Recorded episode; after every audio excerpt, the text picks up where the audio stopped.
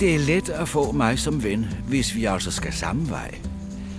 Jeg bugter mig igennem landskabet i små drillende krumninger, store sving, små vandløb eller store søer.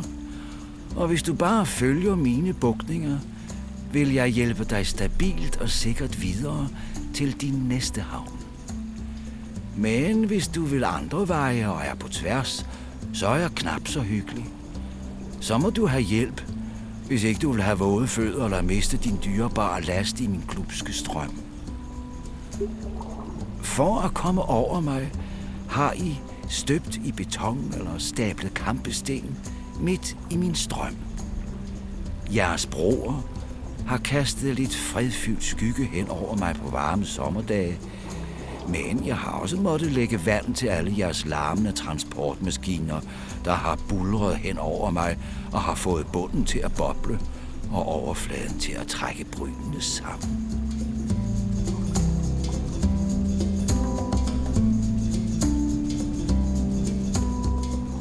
En mand er på vej hjem i ly af natten. Han har risikeret sin egen og familiens sikkerhed ved at sætte sprængninger på broen i Langå. Men det brag, han længes efter at høre. Det kommer ikke. Natten er stille, og planerne er spildt, tænker han. Så vi kommer ned til Gudnåens vand her ved Langå, og øh, hvis vi kigger ned langs vandet, så kan vi se en bro dernede, og øh, det er netop broer, vi skal tale om i dag. Øh, hvad er det for en historie, vi skal snakke om? Ja, vi skal tale om jernbanesabotagen på broerne her hen over, over Gudnåen ved Langå. Under 2. verdenskrig samledes en modstandsgruppe i området omkring Langå. Vi er i slutningen af krigen, og modstanden mod den tyske besættelse vokser. Når man besøger stedet i dag, er det første syn, der møder os den her flotte, rustrøde bro i jern fra 1800-tallet. Men vi skal faktisk om bagved den for at finde det, vi egentlig er kommet efter. Nemlig resterne af de broer, der blev sprængt i luften under 2. verdenskrig. Mit navn er Lene Grønborg, og jeg besøger i dag stedet i selskab med Frede Jensen fra Museum Østjylland.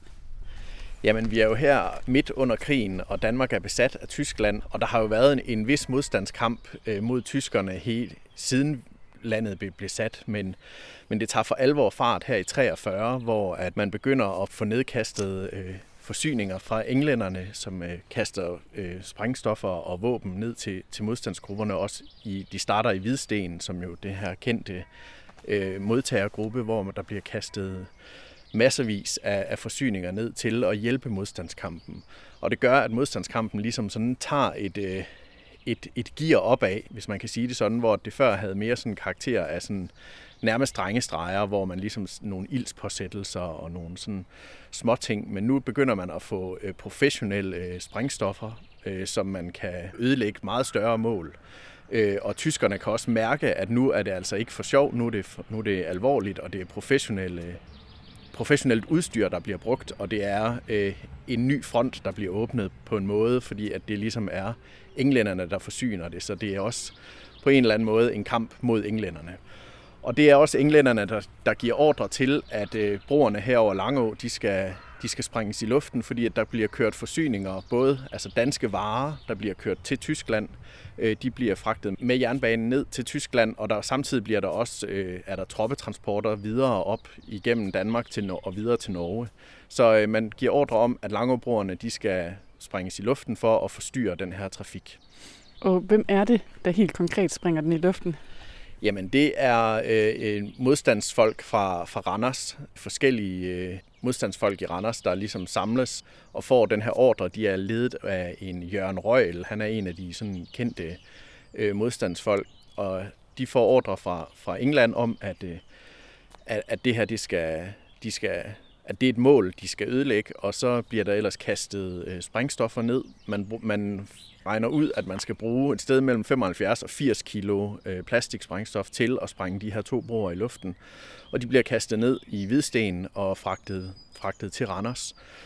Og øh, i planlægningen af den her, der, øh, fordi 80 kilo sprængstof, det er jo ikke sådan nogen, man bare lige putter i lommen. Det er noget, der tager lang tid at, at få fragtet uset herhen, så man laver faktisk et depot her i nærheden øh, hvor man graver det her sprængstof ned, sådan at det ligger klar til, når øh, aktionen skal være, at man sådan kan, kan få det hurtigt hen til brugerne. Det er en blanding af folk øh, fra Randers, der er, er del af den her øh, sabotagegruppe. Jørgen Røgl, han er, han er læge på sygehuset i Randers, og så er der en, øh, en, en lærer på, på Randers Statsskole, som, øh, som også er, deltager i det her. Der er et par, et par af hans elever, og så er der nogle spejder. Og, og, så det, det er sådan en blanding af, af, af folk, øh, både sådan yngre mænd og nogle lidt, lidt op i årene.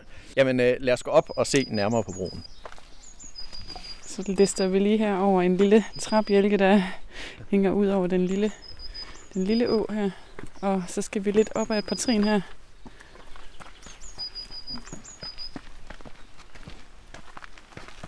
Jamen, så er vi kommet herop og står nu og kigger ind i selve broen. Og øhm, det jeg også godt kunne tænke mig at høre lidt om, det er sådan, hvordan lykkes det dem rent faktisk at springe den i luften? Jamen, man har, broen er bevogtet af danske politifolk, så, øh, og dem har man lavet en aftale med på forhånd, at man kommer og, øh, og springer broen i luften. Så politi, de to politifolk, der bevogter broen, er, er jo på en måde med i den her auktion. De bliver, man tager deres øh, øh, geværer fra dem og smider dem i åen, og så binder man dem øh, på sikker afstand fra broen, så de ikke kommer noget til. Men, men, men de bliver alligevel også nødt til at, at flygte til Sverige bagefter, på, på trods af, at man ligesom har bundet dem, og det har set ud som om, at de er blevet overmandet. Men efter man har bundet de her politifolk og placeret dem i et øh, vagtskur på sikker afstand fra eksplosionerne, så går man så i gang med at, at slæbe alle de her 80 kilo sprængstof fra det her depot, man har nedgravet i nærheden i skoven, og op og få placeret på broen. Det tager lang tid, man er kun seks mand, og man skal ligesom have slæbt de her 80 kilo sprængstof afsted og få det klargjort og få dem sat, placeret rundt omkring på, på, på de to broer. Og så sætter man øh, tændladninger til. Det er sådan nogle øh, øh, kemiske sprængblyanter, man sådan øh, giver et knæk, og så er de indstillet til en vis tid. Øh, altså detonerer de sprængstoffet efter noget tid. Og man havde egentlig indstillet dem på 10 minutter, sådan at man også kunne nå at komme væk.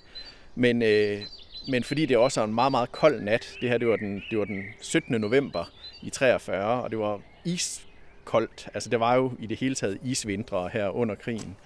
Så, så de her øh, sprængblyanter, de virkede ikke, som de skulle. Så øh, da, da de her folk, de ligesom de nåede hjem til Randers, helt skuffede og slukøret over, at, øh, at det var slået fejl, at, øh, de, at sprængladningerne sprang ikke.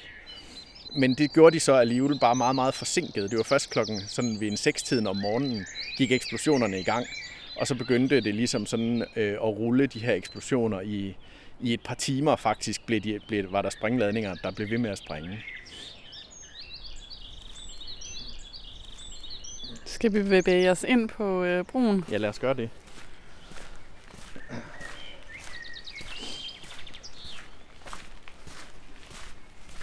Altså i dag er det jo en gangbro til gå og cykle, men det har også været en jernbanebro. Altså da den blev bygget i 1862, var det her til jernbanen også.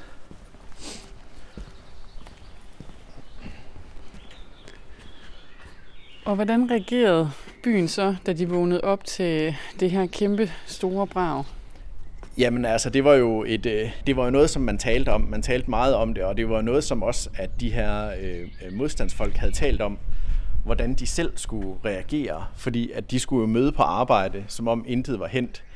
Og, og ligesom sådan fungere og være lige så overrasket, som alle andre var, selvom de jo udmærket godt vidste, hvad det var. Så skulle man jo ligesom øh, holde øh, dækket over, at man ikke vidste noget som helst.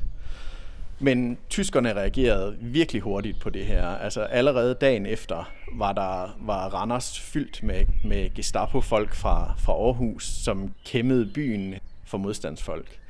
Og det gik egentlig ret hurtigt med at finde frem til nogen, som, øh, som øh, kunne, kunne fortælle om, hvad der måske var sket, og, og man fangede ret hurtigt folkene. Fandt, man fandt meget hurtigt frem til, hvem der havde deltaget i den her auktion. Hvordan kunne de det? Jamen, der var, for det første så havde Gestapo en virkelig dygtig afhøringsleder, eller dygtig, det er måske et forkert ord at bruge, men, men han, øh, Eivind Jensen hed han, han var, han, han var rigtig dygtig til at øh, tale sig ind på folk og få folk til at tro, at hvis de hjalp ham, så skulle han nok hjælpe dem. Og så var der så også to af de modstandsfolk, som var med til, til aktionen her. Da de blev anholdt, der havde de begge to en pistol fra de to betjente, som øh, var herude. Så det var også sådan lidt svært at, at bortforklare, hvorfor man havde de pistoler, som tilhørte betjentene, der havde bevogtet broen. Der var en anden, øh, som en, en af, af modstandsfolkene, der var med her, han, øh, da, da man ville anholde ham, der, øh, øh, han, han var forberedt på det. Han var forberedt på, at han vidste, at Gestapo de kommer altid tidligt om morgenen.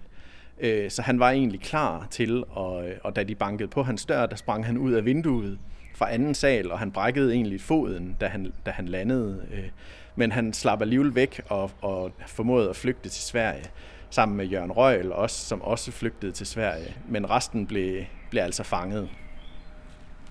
Og det vi kan høre nu, det er, at der kommer lige et, et tog, fordi jernbanen kører faktisk stadig. Ikke lige her, hvor vi står, men... Ja, øh... på, den, på den nye bro fra 52. Det kan være, at vi skal bevæge os videre over. Lige ved siden af, øh, ja. her har, har, var jernbanebroerne, som blev sprængt. Og vi kan gå ned og se fundamentet af, af broerne. Super. Ja. Så bevæger vi os ned mod Gudnåden og vandet hernede ad en trappe, så vi kan komme ned og se fundamentet af de tidligere Langerbroer, som blev sprængt i forbindelse med 2. verdenskrig.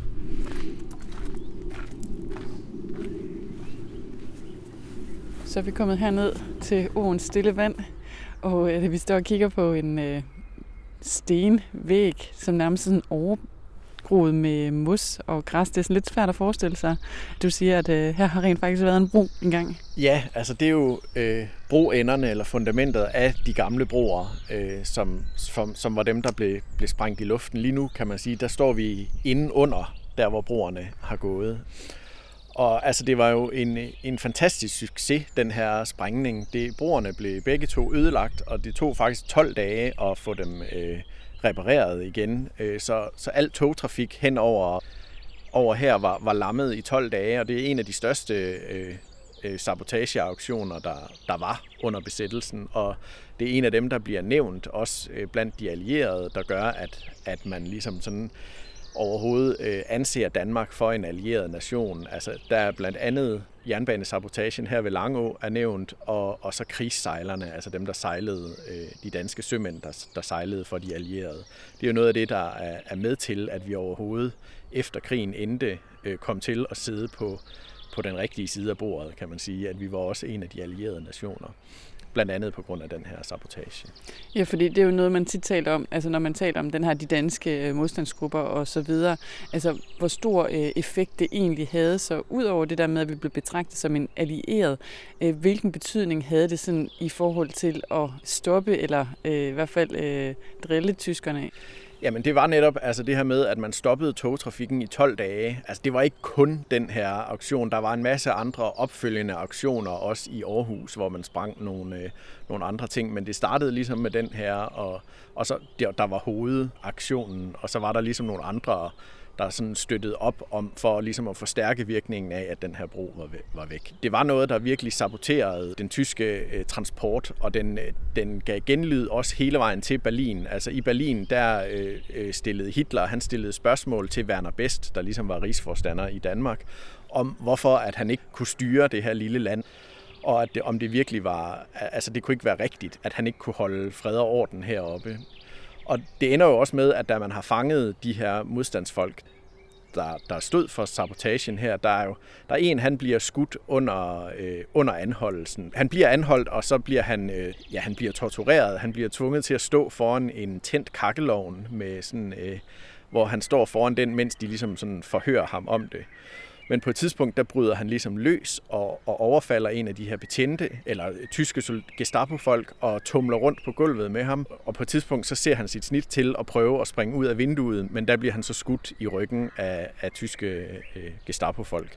Så en af dem bliver ligesom øh, slået ihjel under, under forhør, eller hvad man kan kalde det. Og så bliver, er der fire andre, der bliver henrettet efter, altså de bliver stillet for en dommer, og så bliver de henrettet. Og det er faktisk noget, som Hitler han er egentlig uh, skælder ud over, at han siger, at det kan ikke være rigtigt, at man i det her uh, land uh, ikke kan holde fred og orden, og at man på den måde skaber martyrer.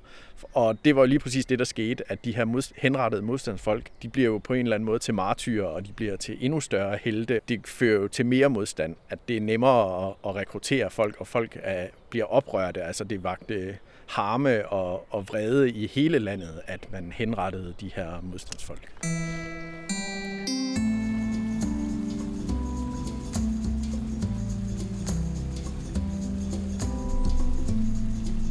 Du kan tro, jeg har set og oplevet mere end de fleste. Gennem tusindvis af år har jeg bugtet mig gennem Jyllands midte på vej mod havet.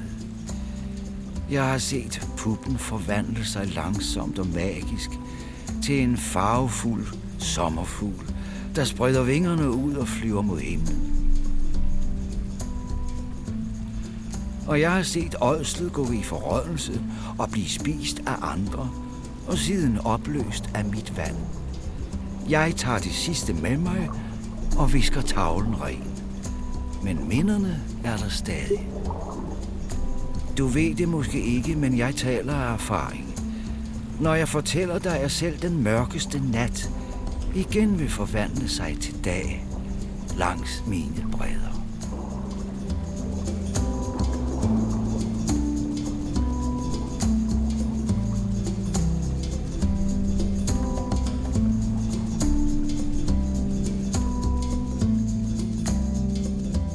Du har lyttet til Åsteder, fortællinger fra Gudnåen.